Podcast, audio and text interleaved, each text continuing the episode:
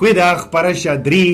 Uh die gedeelte vir hierdie week is gedeelte 3 Leg Lega wat beteken gaan jy uit en vandag praat ons oor die tema geloof het jou gered. Ons het gesien Abraham kom by 'n kruispunt in sy lewe want so moet Abraham sy eerste seun en Hagar met wie hy 'n sielsband het vra om weg te trek.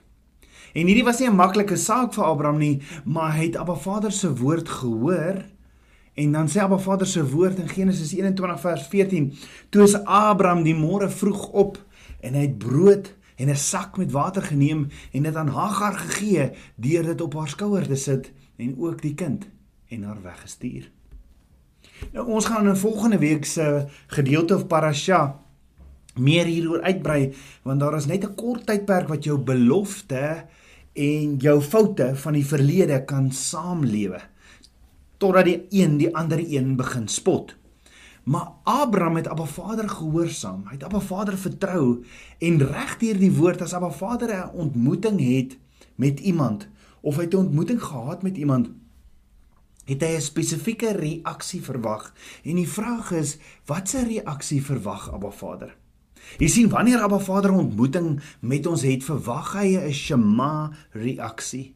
Shema in Hebreëus beteken to hear listen and obey. Met ander woorde, wanneer Abba Vader 'n ontmoeting met my en jou het, verwag hy dat ons stop waarmee ek en jy besig is. Dat ons volle fokus op hom rig. Dat ons intens dit bedink wat hy sê deur toe te laat dat dit wat hy vir ons sê, ons sal laat verander. Ja, ons gedagtes en ons gedrag. Wat dan ook lei tot ons uiterlike gedrag wat oorgaan dan tot aksie. En dit is Abba Vader se divine protokol regdeur sy woord wanneer hy met ons ontmoet. Opgesom. Dis 'n respekvolle reaksie en gehoorsaamheid en in geloof op Abba Vader se stem wat dan oorgaan in aksie. Dit is iets wat Adam en Eva nie gedoen het nie, maar wat wat Henog, Noag en Abraham gedoen het. Daarom sê Hebreërs 11 vers 5 tot 6: Deur die geloof is Henog weggeneem om die dood nie te sien nie. En hy is nie gevind nie omdat God hom weggeneem het, want voor sy wegneming het hy getuienis ontvang dat hy God behaag het. En sonder geloof is dit onmoontlik om God te behaag, want hy wat tot God gaan, moet glo dat hy is 'n beloner, dat hy 'n beloner is van die wat hom soek. Henog het Abba Vader behaag. So, hoe kan ek en jy Abba Vader ook soos Henog, Noag en Abraham behaag? Die woord leer ons Hebreërs 11 vers 6, sonder geloof is dit onmoontlik om God te behaag. Dit is ons geloof wat welgevallig moet wees vir Abba Vader. Dan sê die woord Henog het saam met Abba Vader gewandel en die Hebreëus se stamwoord vir wandel is halak wat beteken to walk, to go, to die. Met ander woorde, dis om dood te gaan in die eie ek en net te loop waar Abba Vader jou lei.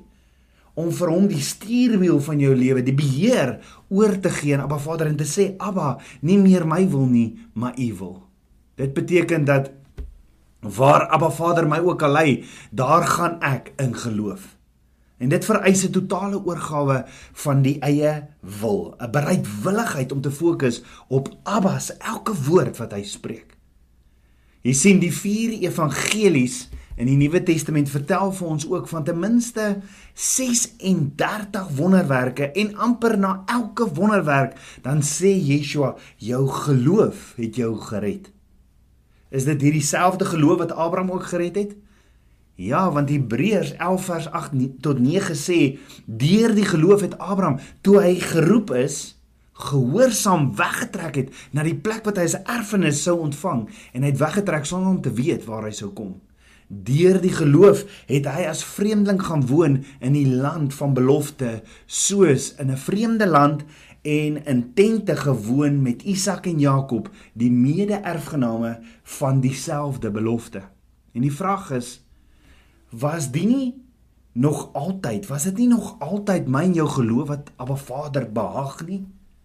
Want sien Genesis 15 vers 1 sê Na hierdie dinge het die woord van Jahweh tot Abraham gekom in 'n gesig en gesê: "Vrees nie Abraham, ek is vir jou 'n skild en jou loon is baie groot." Toe vra Abraham: "Here, Here, wat sal U my gee aangesien ek sonder kinders heen gaan en die erfgenaam van my huis die Damaskener Eliezer is?" Verder het Abraham gesê: "Aan my het U geen nageslag gegee nie, so sal dan die bediende van my huis my erfgenaam wees." Toe kom die woord van Jahweh tot hom en sê: "Hierdie een sal jou erfgenaam nie wees nie, maar die een wat uit jou liggaam sal voortkom, hy sal jou erfgenaam wees." Daarop lei hy hom uit na buite met die woorde: "Kyk nou op na die hemel en tel die sterre as jy hulle kan tel." En hy sê vir hom: "So sal jou nageslag wees." En hy het in Jahweh geglo en hy het hom dit tot geregtigheid gereken. Met ander woorde in hierdie gedeelte is daar 3 profetiese boodskappe wat Abba Vader gee, naamlik nommer 1 in Genesis 15 vers 1 sê Abba Vader aan Abraham: Moenie bang wees nie, moenie vrees nie. Nou Abba Vader het al goddelike afsprake met Abraham gehad, so hoekom hierdie keer sê Abba Vader vir Abraham: Vrees nie. Is dit moontlik dat Abraham iets in die toekoms gesien het, want wat is geloof nou weer? Hebreërs 11 vers 1 sê geloof is 'n vaste vertroue op die dinge wat ons hoop, 'n bewys van die dinge wat ons nie sien nie. Met ander woorde, die rede hoekom Abba Vader sê vrees nie is want vrees kan 'n verlamde uitwerking op jou hê. Ja, dit maak jou pap. Maar Abba Vader sê ook in sy woord in Romeine 8 vers 15, want julle het nie ontvang 'n gees van slawerny om weer te vrees nie, maar julle het ontvang die gees van aanneming tot kinders deur wie ons roep Abba Vader. So die eerste profetiese boodskap wat Abba Vader vir Abraham gee is vrees nie want ons sal 'n gees ontvang van eh, ontvang van aanneming tot kinders deur wie ons roep Abba Vader. Net so sê Abba vandag vir jou tabernakelskind moenie vrees nie. Die tweede profetiese boodskap wat Abba Vader vir Abraham gee is nommer 2. Abba Vader sê vir Abraham, ek is vir jou 'n skild. Met ander woorde, Abba Vader sê ek is jou beskerming, Abraham. Nou in Hebreëus beteken skild veel meer. Dis 'n woord eh, die Hebreëse woord in in in Hebreëse woord vir skild is magen, afgelei van nagen wat beteken 'n mamma arend wat voortdurend om haar nes vlieg met kykens in die nes en sy wat hulle fyn dophou vir gevaar. Ook in Jesaja 31 vers 5 sê Abba Vader, soos voëls wat fladder, so sal Jahweh van die leerskare Jerusalem beskik, beskik en red, verskoon en bevry. Net so sê Abba Vader vandag vir jou tabernakelskind van Abba, ek is vir jou 'n skild en sal jou beskerm. Die derde profetiese boodskap wat Abba Vader vir Abraham gee, is nommer 3. Abba Vader sê vir Abraham: "Jou loon is baie groot." Ja, Abba Vader sê hy sal Abraham beloon, maar hou in gedagte dat Abraham teen hierdie tyd al baie ryk was, want ons sien in Genesis 14 vers 22 hoe hy self die belonings van die goddelose konings wegwys. So miskien praat Abba Vader nie van aardse loon nie. Jy sien Abraham het homself onderwerp aan Abba en dit sou vir hom 'n groot loon besorg. Ja Genesis 15 vers 5 tot 6 staan daar verder. Daarop lei hy daarop lei Abba Vader hom uit na buite met die woorde: "Kyk nou op na die hemel en tel die sterre as jy hulle kan tel." En hy sê vir hom: "So sal jou nageslag wees." En hy het in, in Jahweh geglo en hy het hom dit vir geregtigheid gereken. Ja, Abraham het Abba Vader geglo. Die Hebreëse woordjie vir geglo is aman wat beteken dis nie net 'n intellektuele besluit nie, maar meer as dit. Die prentjie wat geteken word is jy bied jouself aan as vrywillige surrogaat vir 'n openbaring van Abba Vader. Met ander woorde jy sê ja, jy sien Jy sê ja want sien Abraham het in sy gees die woord van Abba Vader soos saad ontvang en dit koester totdat dit begin het om te ontkiem. Hy het Vader se woord so saad ontvang en dit het gekoester totdat dit begin ontkiem het. En dit was die Vader van geloof Dis wat die Vader van geloof ons leer van geloof om Abba Vader te glo en te vertrou. Waarvoor moet jy vandag vir Abba vertrou? Wat is besig om jou heel oggend nog heel nag so besig te hou? Waarvoor moet jy Abba Vader vertrou? sien Abraham het ingestem om die surrogaat vir Abba Vader se saad te word. Met ander woorde, dis van Abba saai u saad, saai u woord op my hart. Ek sal dit bewaar sodat dit 30, 60, 100voudig kan vermenigvuldig in my lewe om u die glorie te bring. Jy sien Abraham sou die instrument wees vir die voordra van Abba Vader se saad om eendag ook uit sy saad of nageslag die koning van alle konings voor te bring. Tabernakels kind van Abba, kan ek jou vra, En en en wat van die woord wat ek en jy al ontvang het van Abba Vader? Glo jy dit?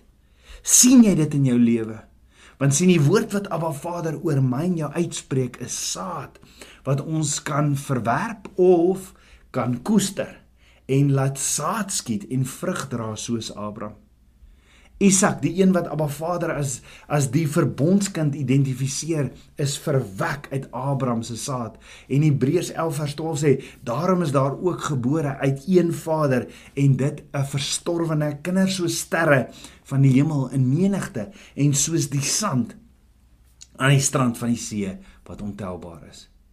Dan hoor ook wat sê Hebreërs 11 vers 13 in die geloof het hulle almal gesterwe sonder om die belofte te verkry, maar hulle het dit uit die verte gesien en geglo en begroet en het bely dat hulle vreemdelinge en bywoners op aarde was.